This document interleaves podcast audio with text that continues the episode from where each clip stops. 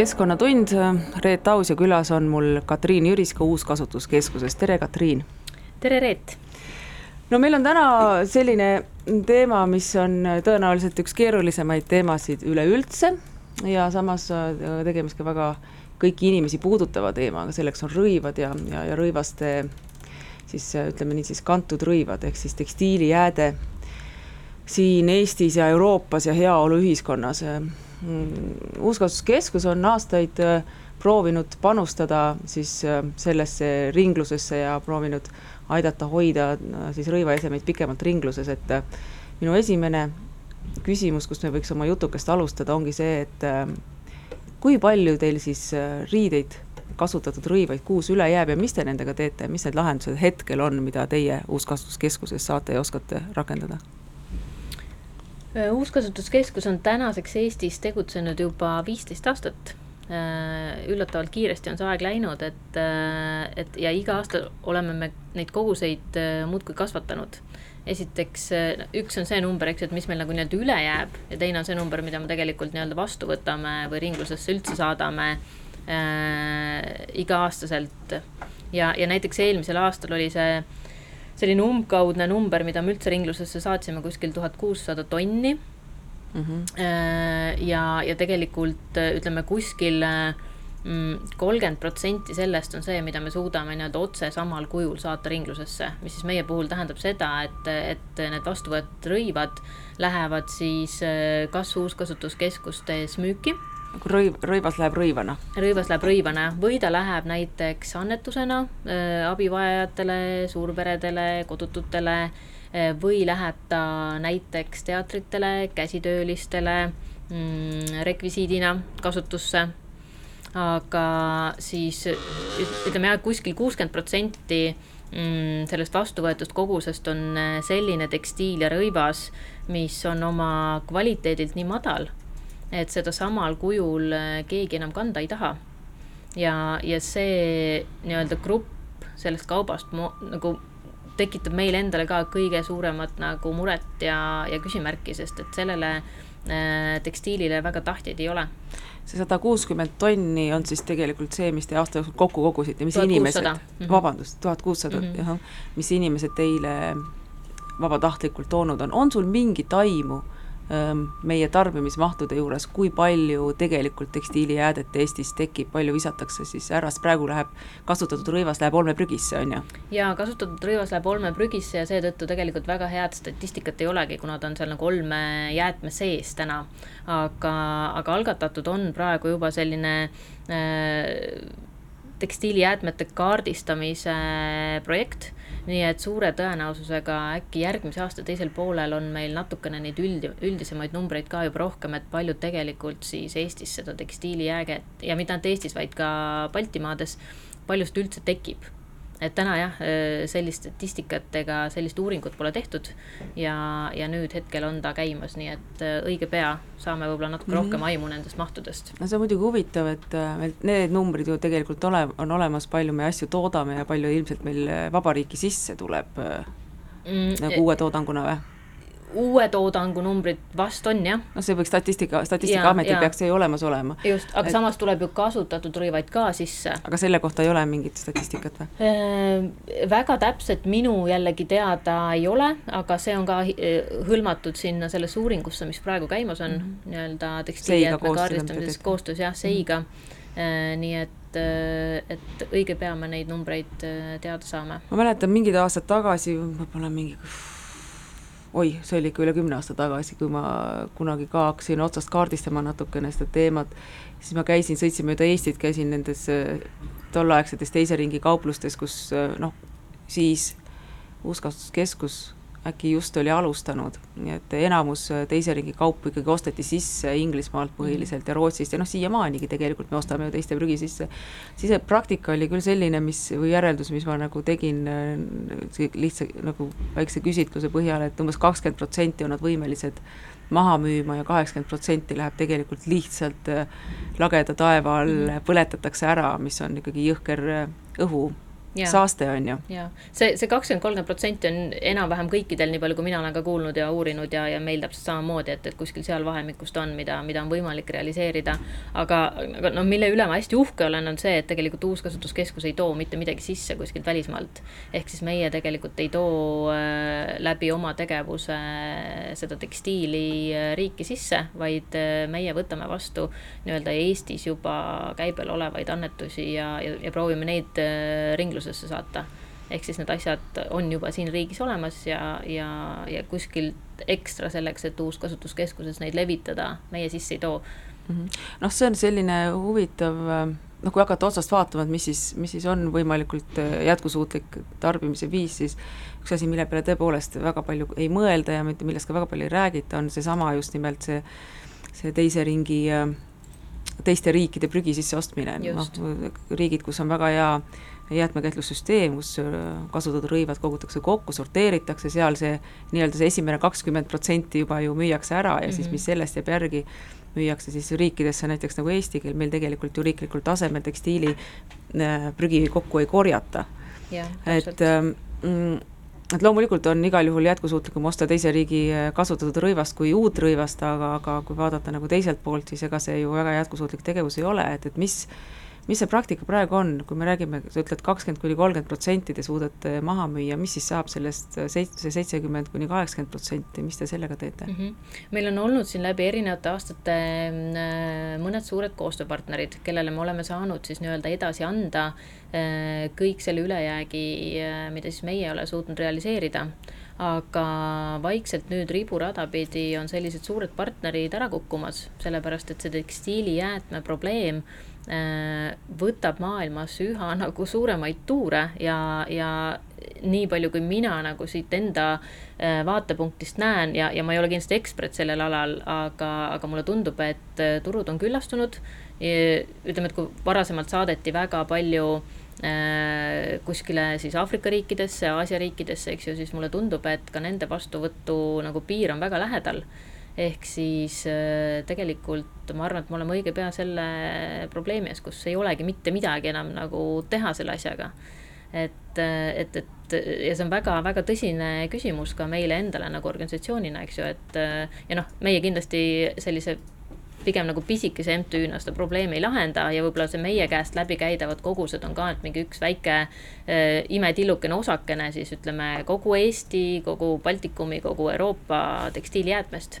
Ehk siis tegelikult probleem on äh, suur ja, ja, ja vajab äh, ikkagi tõsist sekkumist oluliselt kõrgemalt. et mm, -hmm.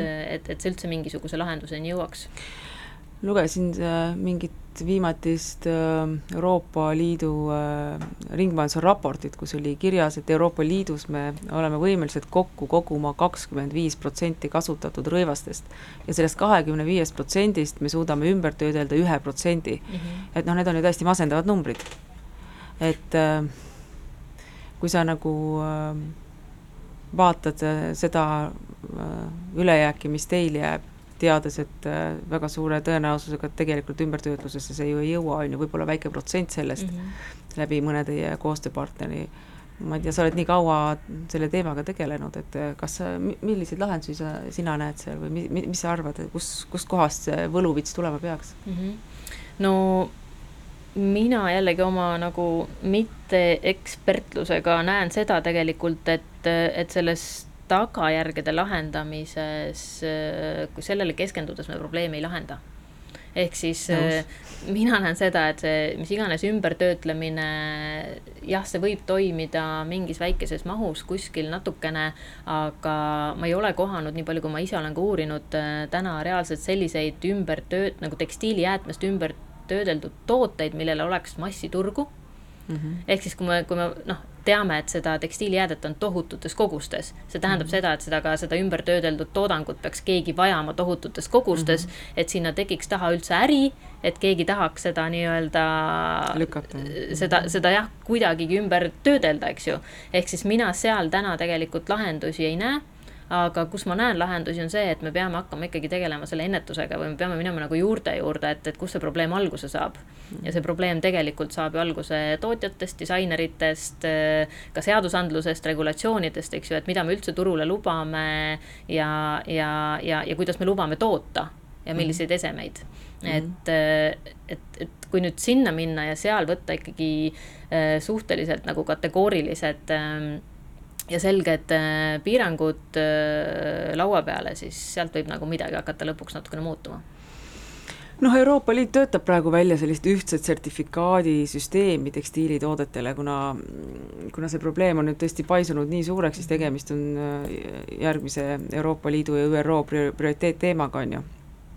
ja ja noh, natuke ma seal mingisuguseid dokumente olen lugenud ja natuke seda infot on ka minuni jõudnud, no seal on üks asi näiteks, on just nimelt seesama, kaks olulist asja, mis mulle tundub, et tõepoolest võivad siis kuidagi reaalselt hakata ka mõjutama, üks on seesama maksu, maksustamisega mõjutamine, et et monomaterjalid on eelistatud, mida on lihtsam ümber töödelda, on ju, et segamaterjale, kus siis on erinevad kiud kokku miksitud, neid vähendada ja see samamoodi, seesama sertifitseerimiste süsteem, et, et kui tegemist on siis mida kauakestvama, jätkusuutlikuma materjaliga on, seda soodsamad on siis maksud, ja teine on seesama tootja oma vastutus, et tootjad peavad hakkama tagasi võtma oma kasutatud rõivaid ja neile ise mhm. hakkama lahendust leidma, mis tõenäoliselt tõesti paneb ikkagi suuremad ettevõtted vägagi sellesse kohta, et nad peavad hakkama oma ärimudelit ümber disainima, et et mulle nagu näib, et see on täitsa mingi lähima viie aasta jooksul täitsa tulemas ma usun ka ja noh, tegelikult on ju ka aastaks kaks tuhat kakskümmend viis Eestil kohustus hakata tekstiilijäädet äh, liigiti koguma. Äh, mis iseenesest ühtepidi on tore, teistpidi on äh, väga suur küsimus ka riiklikult õhus, et mida siis selle liigiti kogutud tekstiiliga peale hakata mm. -hmm. et praegu, praegu, mis tehakse sellega? Läheb põletisse? täna minu info kohaselt et kuna tekstiil on hästi palju olmejäätme nii-öelda osa, siis ta läheb osaliselt põletisse, osaliselt läheb ta tegelikult ladustatakse mäkke. et kaks varianti ainult on, et mm., et, et midagi kuidas, muud siin Eestis ega lähiriikides sellega ei tehta. kuidas selle tekstiiliga on, kui tekstiil on äh, olmejäätmes, siis ta põletisse läheb, aga kui ta on eraldi, no näiteks teie, kas teie mm -hmm. saate oma kolmkümmend tonni ülejäänud rõivast lihtsalt põletisse saata, kas põleti võtab vastu või? ei saa, seda ma olen uurinud ja, ja siin on selline kitsaskoht, et, et kui tekstiilijääd on olmejäätmes, siis ta nii-öelda, ta on teiste jäätmeliikidega segatud ja sellisel juhul ta põleb, ehk siis teda on võimalik põletada. nüüd samas, kui tekstiilijääge, jääde on liig, liigiti kogutud siis, äh, siis väidetavalt ta ei põle nii hästi ja selleks, et seda üldse põletisse saata, tuleks teda tükeldada ja segada teiste jäätmeliikidega, mis teatavasti on jällegi selline kallis ja töömahukas protsess ja seda keegi teha ei taha. nii et igatepidi on selline nagu tobe nokk kinni, saba lahti olukord, et, et ühest küljest mm, meil tekib kohustus hakata äh, liigiti koguma, teisest küljest puuduvad igasugused lahendused, mida siis liigiti kogutud tekstiiliga edasi teha aga kas meil on mingisuguseid, ma ei tea, Taanist, Rootsist, kuskilt mingisuguseidki näiteid, mida siis nemad teevad või mis see tavapraktika on riikides, kus tegelikult selline liigiti kogumine on ju kümneid aastaid toiminud? Mm, no soomlaste näitel äh, ma tean näiteks, et põleti ongi tegelikult see põhiline lahendus, kuhu mm., kuhu see läheb, et, et muud teised on kõik väga marginaalsed ja väiksed. et siin on erinevaid innovatsiooniprojekte, millest mina olen kuulnud, äh, näiteks Prantsusmaal vist oli äh, reaalselt sellised nagu soojustusmaterjalid, isolatsioonimaterjalid, mida tehakse äh, Äh, aga, aga jällegi nende kogused on nii väiksed, eks ju, et, et noh, et, et seal ei ole nagu massiturgu taga, et siis nagu natuke midagi tehakse või, või, äh, või Hollandis, eks ju, tehakse reaalselt mingeid uusi tooteid, uut kangast kasutatud rõivastest ja uusi tooteid, aga jällegi see on nagu nii algusjärgus, nii väikses koguses. Ja teiseks, äh, kus on veel suur probleem, on see, et teatavasti kui rõivast äh, mehaaniliselt ümber töödelda, siis see toimub selliselt, et, äh, et need rõivad rebitakse nii-öelda mehaaniliselt puruks ja, ja, ja sellest äh, kootakse siis uus lõng ja uus kangas. aga nüüd, kui nüüd peaks teist korda seda uut kangast või sellest uut toodet äh, ümber töötlema, siis seda enam väga lõngaks kududa ei saa, sellepärast et need kiud lähevad tänu rebimisele nii lühikeseks, et sealt ei ole võimalik enam, äh, enam lõnga kududa ja see materjal ei ole enam vastupidav, eks ju mm, -hmm. et ähm, et igal juhul tuleks sinna mingit, sellisel juhul mingit uut materjali niikuinii sisse segada mm. -hmm. ehk et see, et see ümbertöötlemine seal minu arvates täna ei ole selliseid jätkusuutlikke lahendusi mis tegelikult võiks öelda, et jah, vot see lahendab probleemi ära. Mhm, noh, meil oli siin pea aasta tagasi oli hea kogemus ka ühe koostööprojekti, mis me tegime Uuskasutuskeskusega ja Stockmanniga proovides siis mhm. sada protsenti teksapükstest ümber töödeldud lõngast äh, kudumit valmistada, et äh, noh, eks see tuleb tunnistada, et see oli üks väga kallis äh, ajaliselt väga ajamahukas ja keeruline projekt, sest et, et saada seda lõnga mm, siis sellises kvaliteedis, et see kuduja oleks seda üldse valmis ja nõus kuduma oma mehaanilist, no oma mhm. elektrilistel masinatel kuni selleni välja, et kogu esimene partii tuli ümber kududa, sest see lõng oli nii ebaühtlane. et vahest on lihtsalt äh, vaadata, kui vaadata, kui algstaadiumis me ühes valdkonnas oleme, me selles mõttes on see nagu naeruväärne võrreldes äh, tehnoloogia arenguga aastal kaks tuhat üheksateist, on ju. Et äh, ja, ja, ja teisest küljest on ka hämmastav see, et et kuidas me selle peale ei mõelnud viisteist aastat tagasi yeah. või noh, okei okay,, mõned, mõned mõtlesid, aga no ütleme siis niimoodi, et et mitte just noh, suurt pilti ei vaadanud nagu eriti keegi, on ju, et, et me oleme, ma saan aru ikkagi selle tekstiilijäätme näol hetkel silmitsi ühe keerulisema jäätmeprobleemiga heaoluühiskonna ajaloos jah, nii see on ja, ja, ja noh, ma arvan, et nagu selline üks huvitav fakt on veel, et, et tihtipeale minult ka küsitud, et noh, et aga mis siin nagu keerulist saab siis olla nagu, et äh, purustame selle riide ära nagu umbes nagu laseme läbi paberihundi, eks ju mm, -hmm. et, äh, et see võiks ju olla väga lihtne äh, aga, aga siin ongi see, et, et kui me vaatame oma tänapäeva rõivaid, siis kui me võtame näiteks ühe mingi spordijope siis äh, seal on kasutatud nagu vähemalt viit erinevat materjali mm -hmm. ühe toote juures. ehk siis seal on äh, metallist äh, tavaliselt mingid nööbid või trukid või lukk, siis seal on mingid plastikdetailid, siis seal on erinevad kangad kokku pandud, lisaks on need kangad veel töödeldud erinevate kemikaalidega, eks ju, et nad, me ju tahame, et jope oleks vett hülgav ja, ja hingav ja nii edasi, on ju. Mhm. et, et see ongi see, mis teeb selle ümbertöötlemise ja, ja üldse nagu nende rõivad, rõivaste edasise käsitlemise nagu hästi keeruliseks, et neid materjale kõike ei suudeta eristada.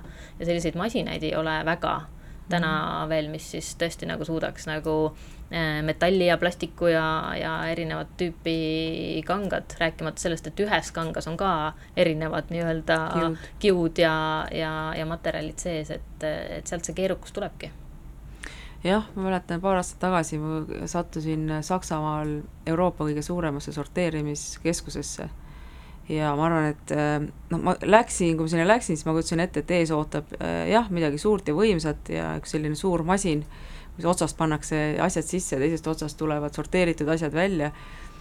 Aga reaalsus oli hoopis midagi muud, reaalsus oli üheksasada sakslast, kes käsitsi mhm. sorteerisid neid riideid, et see on ka üks fakt, mida, mida nagu keegi ei tea, et tegelikult see sorteerimine on nii inimtööjõumahukas ja see teeb ja. selle hinna nii kohutavalt kõrgeks. ja seetõttu kogu see protsess, ehk siis sellesama kui sulle tundub, et see kasutatud teksa, noh, sinu jaoks ta ei oma ju mitte mingisugust väärtust, aga selleks, et tast midagi uut saada, tuleb sinna nii hullult palju tööd ja vaeva panna sisse ja ressurssi, et sealt lõpuks see väike lõnga törts kätte saada mm, -hmm. et siis see on nagu nii tasakaalust väljas, et eh, et see on huvitav, et, et, et tõepoolest sellist nagu ringdisaini ideed selles tööstusharus äh, Äh, on ikkagi väga-väga vähe näha mm. -hmm. ja noh, see, mis sa ütled, see on midagi, mis ei paista nagu tavatarbijale üldse välja mitte kuskilt, eks ju. et noh, et, et, et olles nagu harjunud tarbima võib-olla kiirmoodi või nagu pidades seda nagu tavaliseks ja normaalsuseks mm, -hmm. eks ju, et, et rõivad maksavadki seal viis ja kümme eurot ja mm, -hmm. ja, ja osta iga nädal endale äh, vähemalt üks uus ese on nagu saanud normaalsuseks, eks ju, et siis tegelikult äh, me ei adu nagu tavatarbijatena seda probleemi seal taga, et ongi nagu sa ütled, et see ei paista mitte kuskilt välja tegelikult ja sellest ei räägita nii tohutult palju veel äh, tegelikult massimeedias no üldse ei räägita. üldse ei räägita jah mm, -hmm. et nojah, võib-olla nagu sektorisiseselt või valdkonnasiseselt juba natuke nagu on neid diskussioone, aga, aga jah, et, et muidu ikka tõesti vist üldse ei räägita ja, ja noh, see on minu arust asi, mis peaks esimesena muutuma et see mhm. probleem äh, minu arvates tuleks tuua nagu tavatarbijale nähtavaks et mida tähendab see üks uus äh, rõivas nagu nädalas nagu suures pildis, eks ju, kui kõik mm, -hmm. kui kõik inimesed niimoodi teevad. kas on sul mingeid selliseid numbreid ka kuskil praegu peas, et äh, kui palju no ma ei tea, ma kuskilt lugesin vist äh, Ellen MacArthuri, MacArthur Foundationi äh, kuskil infokild oli, et igas sekundis üks rekkatäis kasutatud rõivaid mm -hmm. läheb prügilasse, et, et noh, et seda mahtu natukenegi umbes nagu hoomata, et äh, jah, ma nüüd ei mäleta, kas see oli sekundis või minutis, aga oli jah, mingi selline äh, mingis ühes väga väikses ajaühikus oli yeah. nagu tõesti üks nagu rekkatäis, mis läks prügisse ja ja noh, kui me võtame ka neid äh, meie koguseid, mis siis uuskasutuskeskusel nagu nii-öelda üle jääb, mis on madala kvaliteediline tekstiil, et et kui me selle rekkatesse ümber arvutame, arvutame, siis me saame ka kuus siin, ma arvan, mingi äh, ühe kuu peale, ma arvan, üle saja rekka. oo. ei see..., vabandust, mitte üle saja rekka, nüüd ma, see oli aastas, nüüd ma ajasin numbrid sassi. Äh, kuus on see ikkagi kuskil neli rekkatäit. mis jääb teil üle, jah? jah neli, mõtle suurt rekkatäit, on ju, et lihtsalt kui nagu aastasse see kokku, see number nagu kokku panna. ja kuhu te selle praegu panete? See neli mm. rekkatäit? noh, täna endiselt läheb ta meil Hollandisse, meie koostööpartnerile, kes siis reaalselt osaliselt nii-öelda teeb sealt veel oma sorteeringu mm. -hmm. proovib sealt veel võtta välja siis need esemed, mis on veel kasutuskõlblikud ja, ja mida on võimalik edasi müüa, siis need ta müüb edasi. ja, ja siis need materjalid, mis on tõesti väga madala kvaliteediga, lähevad siis nende tehases Marokos ümber töötlemisse ja sellest tulevad siis uued esemed mm, kohalikule turule, seal näiteks madratsid, tekid, aga mm, -hmm. aga otsapidi proovivad ka nad nii-öelda selliseid äh, kotte ja selliseid tooteid teha. aga, aga noh, ma ütlen, et, et tundub, et ikkagi see sektor on praegu väga suurtes muutustes, et kõik muutub väga kiiresti ja siin ei ole selliseid nagu pikaajalisi koostöömudeleid või lahendusi, et äh, et, et, et ka see koostöö, et see, see võib tegelikult nagu iga kuu katkeda ja, ja, ja tegelikult ei olegi sellele ülejäävale kogusele muud lahendust kui, kui Eesti prügimägi. mis on ka jällegi üsna kurb uudis, on ju, et see on väga kurb uudis. palju sinna Eesti prügimäele veel mahub, huvitav vot seda ma ei tea, ma just üks päev ise mõtlesin, et, et peaks ühe visiidi prügimäele tegema, et minema natuke vaatama, et kuidas neil seal need seisud on, et. Äh, ma ei ole ka mitu aastat käinud, ma muidu ikka käisin iga aasta mhm. korra mm -hmm. ja, ja isegi kui ma mõtlen äh, võrrelda näiteks aastaga mingi kaks tuhat üksteist ja siis mingi kolm aastat hiljem näha seda, kuidas see prügila täitub noh, see on ikka üsna muljetavaldav. et äh, ma ei teagi, kas see Tallinna, Tallinnale kõige lähem prügila, see vist hakkabki täis saama. Jõelähtme. jah, Jõelähtme hakkabki täis saama, jah, et siis üks jälle suletakse ja tehakse järgmine. jah, nii ta läheb. nii ta läheb. kuulame mussi ka vahepeal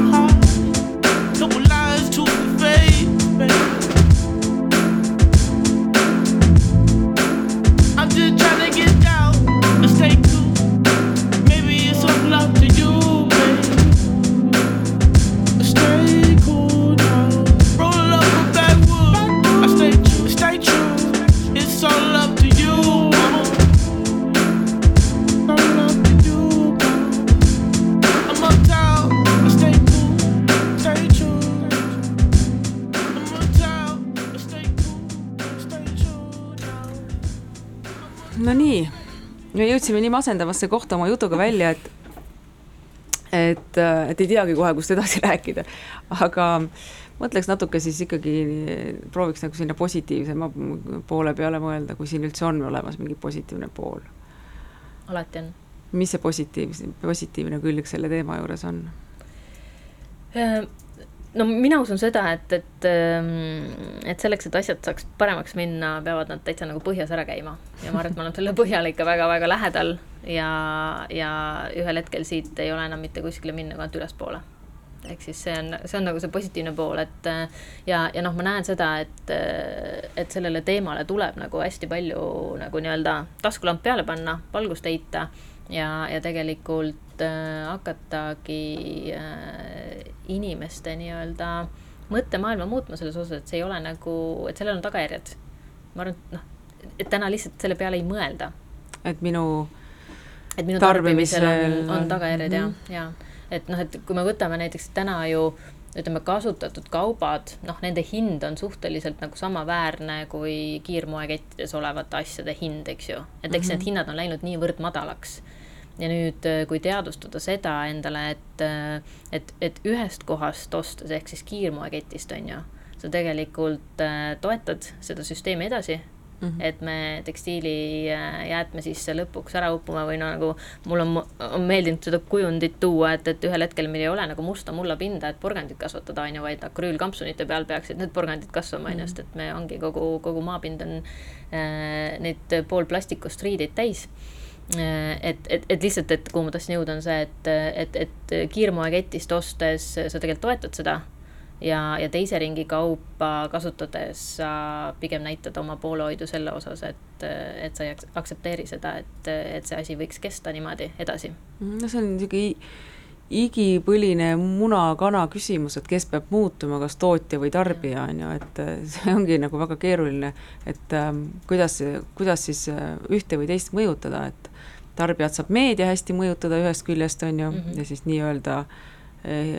positiivsed eeskujud aga noh, ettevõtteid tegelikult ikkagi äh, saabki riik ja seadusandlus ja, regulatsioonid, on ju. et ja tegelikult minu arust me oleme kohas, kus nad peaksid täna nagu käima käsikäes ja toimuma paralleelselt. ehk siis me ei saa tegeleda nagu äh, ühe osapoolega, vaid no aga meil on valitsus, kes isegi täiesti ju ei, isegi eitab kliimamuutusi, et kuidas no,, kuidas me siit jõuame nüüd jaa. selle sammuni, et me selleni, selle otsuseni, et, et võtta vastu otsuseid, mis võiksid kuidagi mm, aidata ettevõtetel mingisuguseid muudatusi ellu viia, noh Rootsi on hea näide, kus, kus on maksusoodustus, soodustus ettevõtetele, kes tegelevad äh, kas siis äh, millegi parandamise mm -hmm. või siis teise ringi materjalide ümberdisainimisega ja nii edasi ja nii edasi, noh, põhimõtteliselt upcycling'u ja recycling uga mm. -hmm. et äh, noh, ma arvan, et väikeettevõtja äh, või üldse inimene, kes hakkab tegelema ettevõtlusega, tema jaoks on see ikkagi väga suur motivatsioonipakett, kui ta saab aru, et kui ma muudan oma tegevust sinna suunas, siis äh,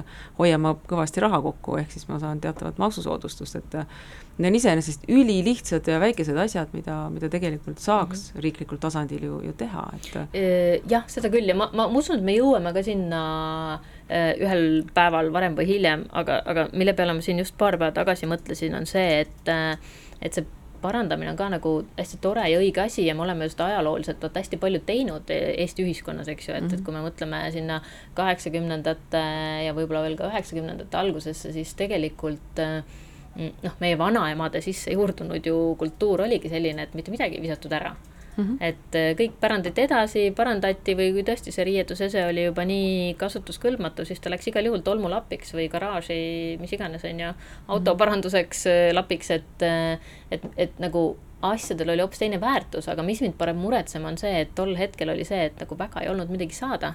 ja teiseks, tehnoloogia ei arenenud tol hetkel nii tohutu kiirusega. ehk siis tänased, kui me võtame näiteks elektroonika, ütleme ühe nagu kaubagrupi, võtame elektroonika parandamise, siis tegelikult tehnoloogia areneb nii kiiresti, et keegi ei taha seda parandatud seadet enam, sest et ta on juba vananenud, eks ju, ta on juba paari aasta pärast äh, tehnoloogiliselt nii palju maas et, et ikkagi tekib inimestel kiusatus osta see uus, et nii-öelda käia ajaga kaasas ja, ja, ja, ja, ja võib-olla kasutada nagu kõige viimaseid funktsioone, mida nagu tehnika võimaldab. et see on see, mis mind muretsema paneb. Et -hmm. et mis võib olla selle ühe selle nagu paranduskultuuri nagu kitsaskoht, eks ju. -hmm. no vaata, aga mis on äh, nüüd äh, teisest küljest jälle huvitav, on see, et, et rõivaid on valmistatud täpselt samamoodi viimase, noh, alates äh, tööstusrevolutsioonist, et õmblusmasin sisuliselt on täpselt seesama masin mm. -hmm. et hea küll, vahepeal noh, ta on muutunud elektriliseks ja sinna on tulnud funktsioone juurde, aga see üks põhiõmblus on algusest peale täpselt ühesugune, mhm. mis on ka täiesti hämmastav, kui sa mõtled nagu seda, selle tööstusharu peale, see on ikkagi Äh, vist, kui võtta nüüd inimeste arvu, mida siis tööstusharu äh, nagu haldab kõige suurem maailmas, on ju, ja keskkonnamõjult on ta väidetavalt noh, teise suurima keskkonnamõjuga tööstusharu, tegemist on üüratu tööstusharuga mm, -hmm. üüratu papp keerleb seal, on ju. Mhm. ja, ja, ja kui vähe on seda tööstusharu tegelikult äh, aastate jooksul äh, disainitud või siis äh, uuendatud või, või kui palju seal on nagu sellist nagu uuendust, äh, uuendusi tulnud, no põhimõtteliselt on ta ikka täpselt samasugune.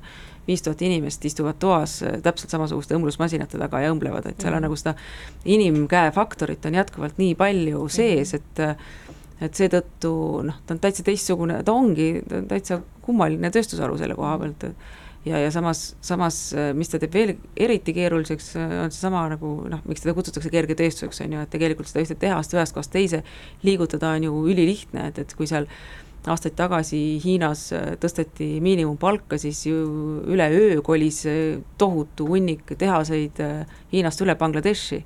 see oli nii, see oli nagu kolme päevaga kõmaki sest et hinnavahe oli lihtsalt nii suur, et ja mhm. sellepärast, sellepärast ta ongi nii keeruline, noh, kui me räägime sotsiaalsete, sotsiaalsetest probleemidest selles tööstusharus, kui me nüüd räägime natuke sellest, kuidas meil riideid valmistatakse -hmm. et seda on nii lihtne ühest kohast teise viia et seda, et ta ei ole nagu seotud mingisuguse hullu kellegi välja töötatud innovatsiooniga või et kellelgi oleks ja, mingi eriline ja. viis, kuidas, kuidas see õmblus kokku panna, ei.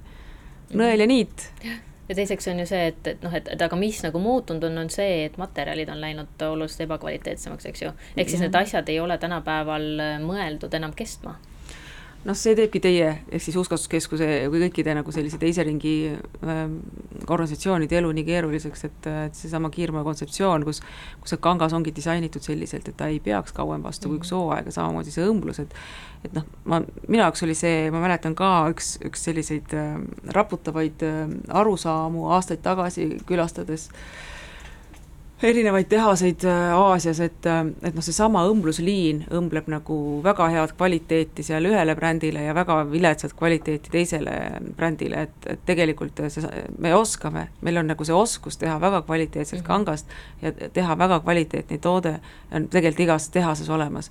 aga see, kui vilets on see kvaliteet, nagu need äh, kriteeriumid tulevad selle kaubamärgi poolt mm -hmm. ja noh, ja see on juba see, mis on siis kirjutatud selle ettevõtte või selle kaubamärgi ärimudelisse, et kui kaua üks toode tohib reaalselt vastu pidada. kuidas on siis, kas siis äh, nii-öelda need väga kallid, kallid ja kvaliteetsed, äh, nad kasutavad reaalselt teist kangast või seal on nagu mingi ikka, kangal on ka okay. täiesti teised kriteeriumid toormaterjalile. ma olen tegelikult kuulnud ka seda, et, et ka kangas on nagu sama, mida kasutatakse nii-öelda, et, et ütleme, et et, et mõni kallis ja eksklusiivne kaubamärk on ju tegelikult kasutab sama kangast kui mõni odav kett, lihtsalt kuna label on peal teine, siis on ka hind teine, aga see ei ole tõsi, jah? see ei ole tõsi mm, -hmm. ega ma sada protsenti ei tea, nii palju, kui mina näinud olen ja noh, mul on lihtsalt olnud äh, sellist äh, nahaalsust äh, marssida sisse ja lugeda ja, ja küsida rohkem võib-olla, kui kui teatud hetkedel isegi sobilik oleks, aga noh, ma olen näinud erinevate brändide äh, neid äh, kriteeriume, noh a la ma olen näinud Zara kvaliteedikriteeriumit äh,, Calvin Kleini oma, HM-i oma äh,, issand, kes see USA bränd on, hea kvali-, hea ma ei saa praegu nime öelda, tuleb meelde, siis ütlen. et noh, seal on näiteks, kui me räägime kangast, siis kanga puhul seal on teatud, seal on ühel ruutmeetril lubatud teatud defektide arv. et see kvalit-, ühel kvaliteetbrändil näiteks saab olla üks või kaks defekti, mingil kiirmoebrändil võib olla kuni kolmteist okay.. ehk siis nagu see kvaliteedivahe on kohe noh, väga, väga märgatav, on ju mm kuni selleni välja, et milliseid, millist toormaterjali kasutatakse, et puuviljal ja puuviljal on ju väga suur vahe, kas on esimene korje, kas on teine korje, mhm. millega seda segatakse, kas tegemist on nagu pika kiuga, kust piirkonnast ta pärit on, et äh, noh, seal on, see kõik on tegelikult ju ette kirjutatud ja need kriteeriumid on ikkagi väga-väga väga konkreetselt paika pandud ja kuni selleni välja, milliste värvidega on lubatud värvida, millised on värvimis, kuidas tuleb värvimine läbi viia, on odavad värvid noh, näiteks kõige, kõige odavam viis on teha nii, et, et püksi tõmmeldakse valmis ja siis see valmis püksipaar värvitakse mm -hmm. reaktiivvärvidega, see on kõige odavam ja kõige kiirem viis. ja enamus kiirmebrände te-, toimetavad niimoodi. aga kui sa värvid ära näiteks teed siis näiteks puuvilla, kui me räägime näiteks teksast, on ju, puuvillast, keda on sul kiud ja kedratakse see niit värvitakse ära niit ja alles siis hakatakse kangast kuduma, on ju, mhm. siis see tähendab seda, et see on tunduvalt kvaliteetsem, sest see värv on, on teise kvaliteediga, see värv püsib selle kanga sees kauem ja nii edasi ja nii edasi, et et, et seal on, see kõik on, see kõik tegelikult mõjutab ka toote hinda, et, et, et seetõttu Mm, noh, öeldakse ka, et hambapasta tuleb kõik alati ühest, noh, tuleb ka ühest tünnist lihtsalt, pakend on erinev. seda ma ei tea, aga rõivast, rõivaste puhul, nii palju, kui mina olen näinud, seal ikkagi tegelikult on väga suur vahe mm. -hmm. et äh, kas sa ikkagi ostad nagu seda kiirmabrändi, kus tõesti need kvaliteedikriteeriumid on tõesti masendavalt madalad, on ju, või siis sa ostad noh, ikkagi ma ei tea, sellist nagu äh, kümme korda kallimat brändi, kus, kus tegelikult kvaliteedikontroll on hoopis teisel tasemel, et et kus, kus on eraldi kvaliteedikontrolli ähm, osakonnad, kes, kes selle kauba läbi, üle käivad ja nii edasi, et et muidugi seal on vahe sees ja, ja, ja, ja, ja, ja see on üks asi, mis nagu vahest ajabki natuke marru, et, et sa mõtled, me tegelikult teame, kuidas teha kvaliteetseid asju, meil on see teadmine kõik olemas, aga millegipärast kapitalistlikus ühiskonnas on juurdunud arusaam, et et kui järgmine kuu ei ole suuremat numbrit, siis me oleme ebaõnnestunud, on ju. et see, et sellest tingituna küll väga kummaline ärimudel mm. -hmm. aga kuidas teie olete, tahtsin veel seda uurida, te olete, tegemist on sihtasutusega, on ju? MTÜ. MTÜ mm -hmm. olete teie. et kuidas teie ärimudel äh, lõpuks paika loksus, ma tean, et teil oli selle otsimisega ka piisavalt, äh, piisavalt tegemist, et et kuidas te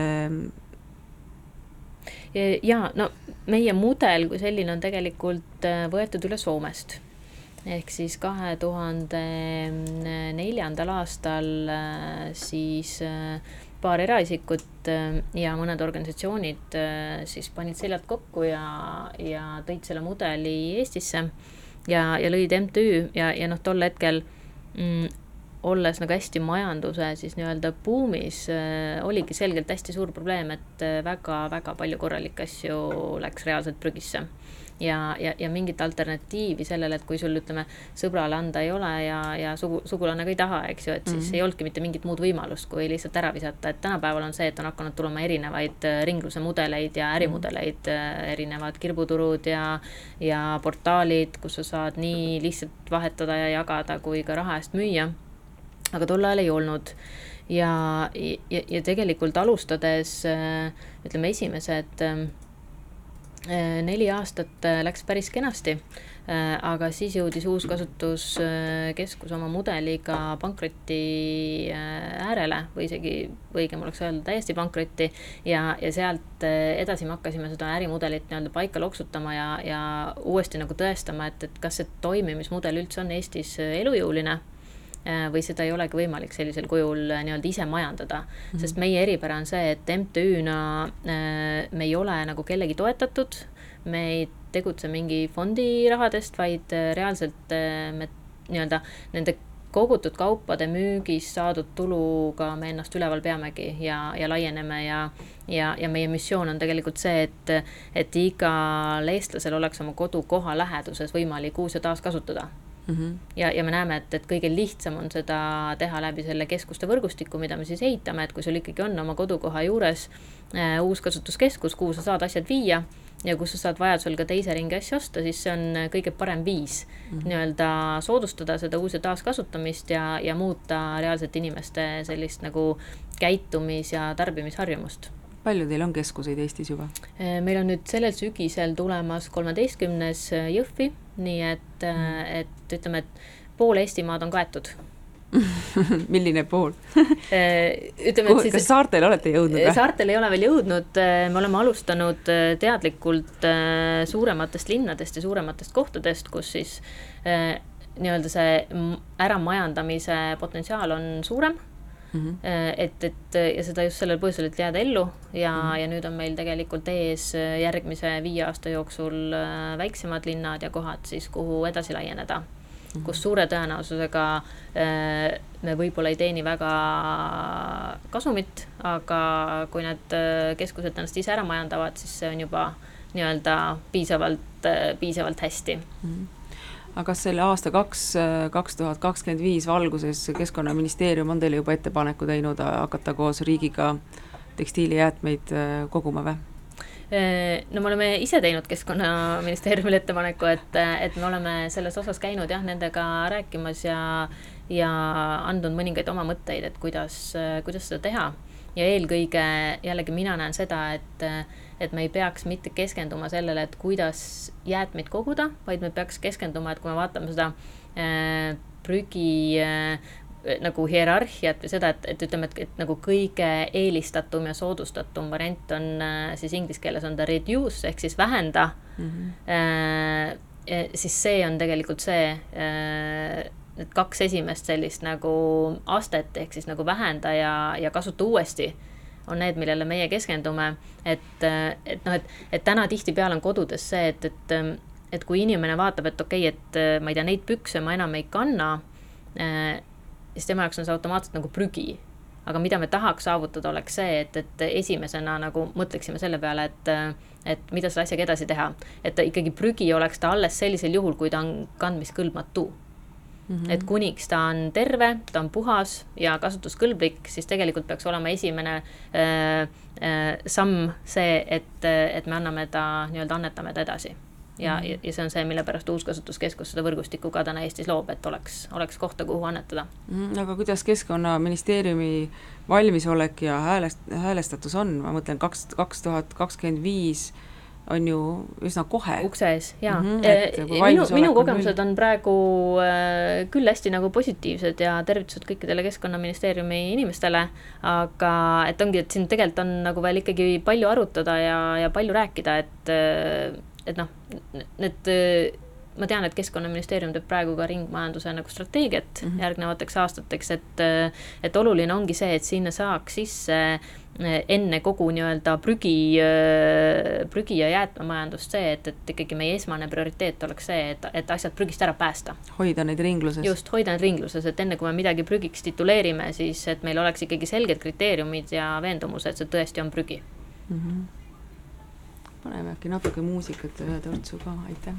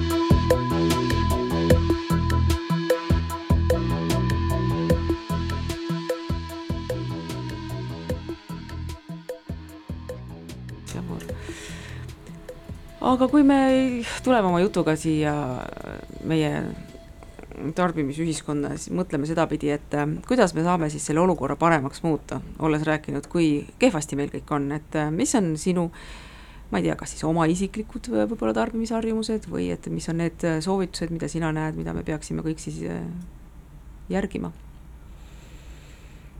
no mind on need kümme aastat Uuskasutuskeskuses äh, päris palju muutnud selles osas, et äh, loomulikult on siin all käinud mingeid kõikumisi üles-alla, et on olnud perioode, kus ma tarbin nagu väga vähe ja siis äh, mingil põhjusel on sisse tulnud perioode, kus ma võib-olla ise ka tarbin natukene rohkem. aga noh, ma arvan, et mida me täna saaksime nagu kõik teha ja mille peale mõelda, ongi see, et, et, et tegelikult hakata rohkem nagu teadvustama ja mõtlema, et mida ja kui palju me üldse tarbime et, et kas meil on seda kiirmoodi tegelikult vaja, kui me täna teame kõik, et peale kahte-kolme pesu on need asjad värvist väljas, vormist väljas mm. -hmm. ja, ja noh, ma usun, et võib-olla ei ole kedagi, kes ei oleks kogenud seda olukorda, kus ostes uued teksapüksid, siis esimese aasta jooksul on sul käsi tasku pannes kogu aeg nagu küüned sinised.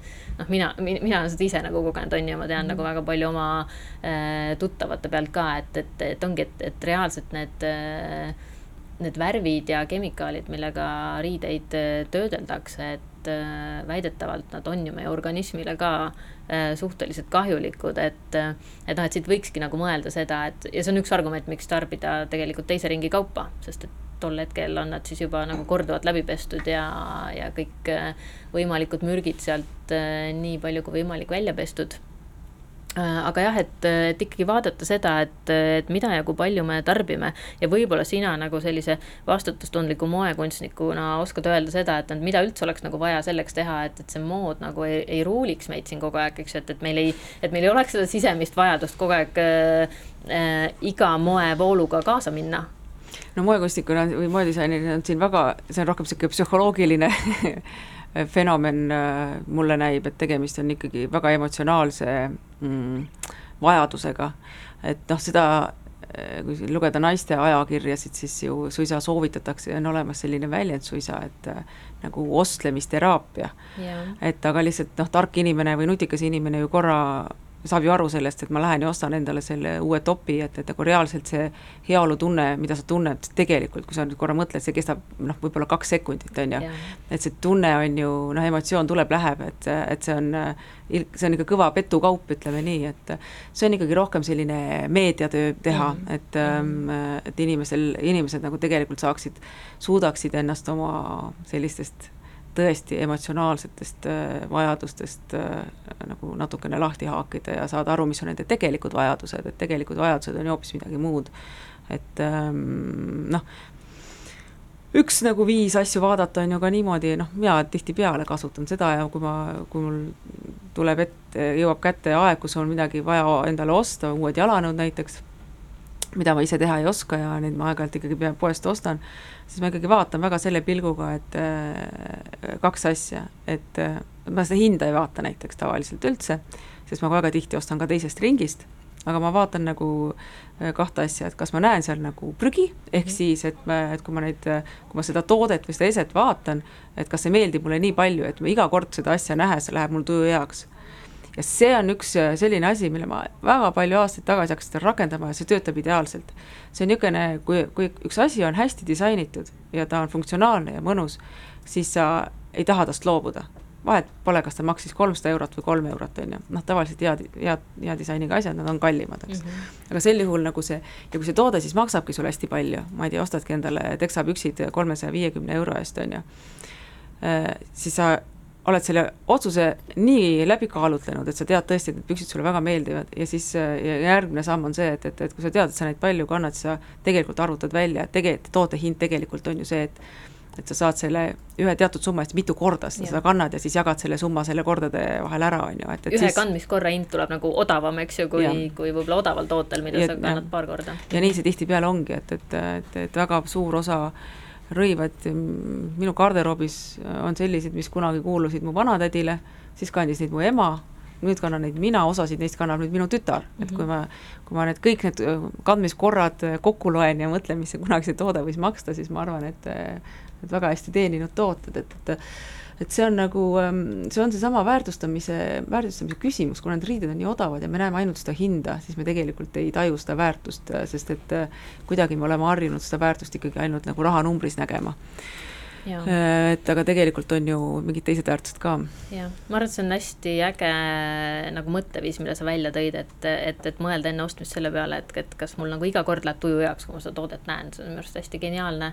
ja, ja teine asi on see võib-olla, millele veel nagu mõelda, et, et me võiks hakata vaatama rõivaesemeid samamoodi kui nagu pikaajalist investeeringut Mm -hmm. ehk siis see, et, et, et rõivaste ostmine ei oleks mitte selline kiire raha kulutamise koht, vaid pigem oleks selline investeeringu koht, et, et, et sa vaatad rõivaeset ostes tõesti seda, et, et, et kas ta et kui, kuivõrd ta on nagu ajatu, kuivõrd pikalt sa oled valmis seda kandma ja, ja et ta oleks võimalikult äh, kvaliteetne. et sa oledki valmis maksma võib-olla rohkem ja, omama vähem esemeid mm, -hmm. aga et nad oleksid pigem äh, kvaliteetsed ja, ja tõesti, et su, su nagu riidekapi väärtus pigem oleks selline äh, äh kvaliteetne kui kvantiteetne jaa, ja see on nagu kõva väljakutse, ma arvan, et see on äh, eriti inimestele, kellele meeldib äh, ja tihtipeale noh, ei taha kõlada seksistlikult, aga tihtipeale see on selline naiste, naiste hobi, on ju, või noh, kuidagi noh, see on ikkagi väga palju ka ilumeelega seotud, on ju, et, et see tõepoolest on nii meeldiv ju minna ja ja lend-, leida endale neid uudi, uusi asju, et et mul on, minu ema on selline, kes on suur teise ringi austaja ja, ja, ja, ja vahest ma vaatan ja, ja, ja tõesti siiralt nagu imetlen, kuidas ta, kui kvaliteetselt ja kui kihvtilt ta suudab ennast äh, riietada ja vahest ma lihtsalt huvi pärast küsin, et palju tal tänase outfit'i hind on ja mm -hmm. siis ta mhm. alati ütleb mulle need numbrid, mis on kohutavalt naljakad, noh, see on niisugune tore mäng meil, on ju, aga teisest küljest äh, noh, sedasama toredat mängu saab ju mängida nagu teises ringis, eriti teades, et et kui sa tõesti lähed ostma selleks, et kanda mingit asja mõned päevad, et, et sealt on ikkagi võimalik leida ju ka väga kihvte asju jaa, kihvte ja tegelikult ka kvaliteetseid asju, et ongi, et kui võrrelda seda, et et, et, et, et kiirmoeketis sa saad võib-olla sama hinna eest mingi toote, mis kestab sul kaks pesukorda, siis tegelikult teisest ringist on võimalik leida väga kvaliteetseid brände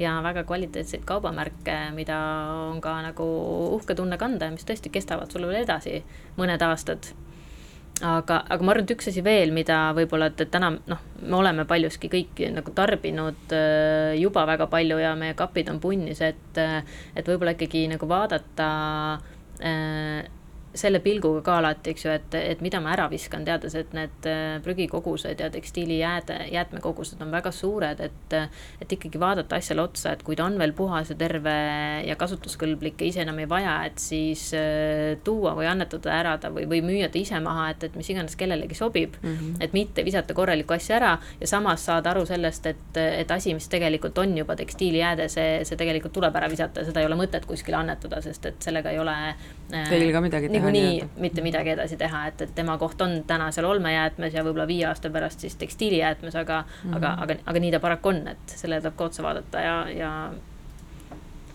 selline on reaalsus. selline on reaalsus, jah.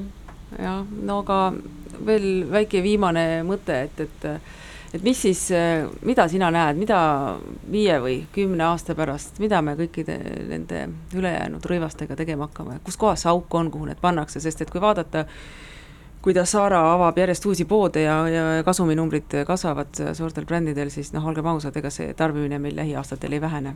aga mis me teeme nende, mis, mis nendest rõivastest äh, saama hakkab? ega ma seda auku täna tegelikult ei näe, kuhu neid äh, nii-öelda toppida. toppida ja, ja panna saaks, et äh, see ongi selle asja juures hästi kurb ja, ja seda enam minu arust äh, me peaksime nagu riigina võtma praegu juba ette väga julgeid samme et mida me tegelikult laseme siia Eestisse sisse tuua mm, -hmm. millistel tingimustel ja hakkama seda ikkagi reguleerima sellest otsast, et, et, et jah, tõesti, et mida me siia ringlusesse üldse laseme. ühesõnaga kokkuvõtvalt siis äh, eesti keeles siis korduskasutus äh,, väärtustav taaskasutus ja ümbertöötlus, et kõik, mis nagu nendest kolmest märksõnast väljapoole jääb, on suur ja punane ei. just väga hea, kuulame lõpetuseks veel ühe loo ja suur aitäh sulle, Katriin! aitäh sulle ka, Reet!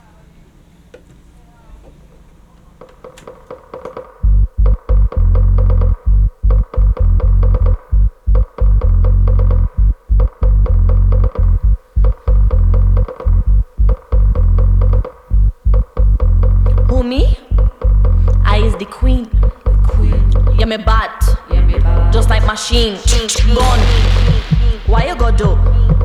Real hard pan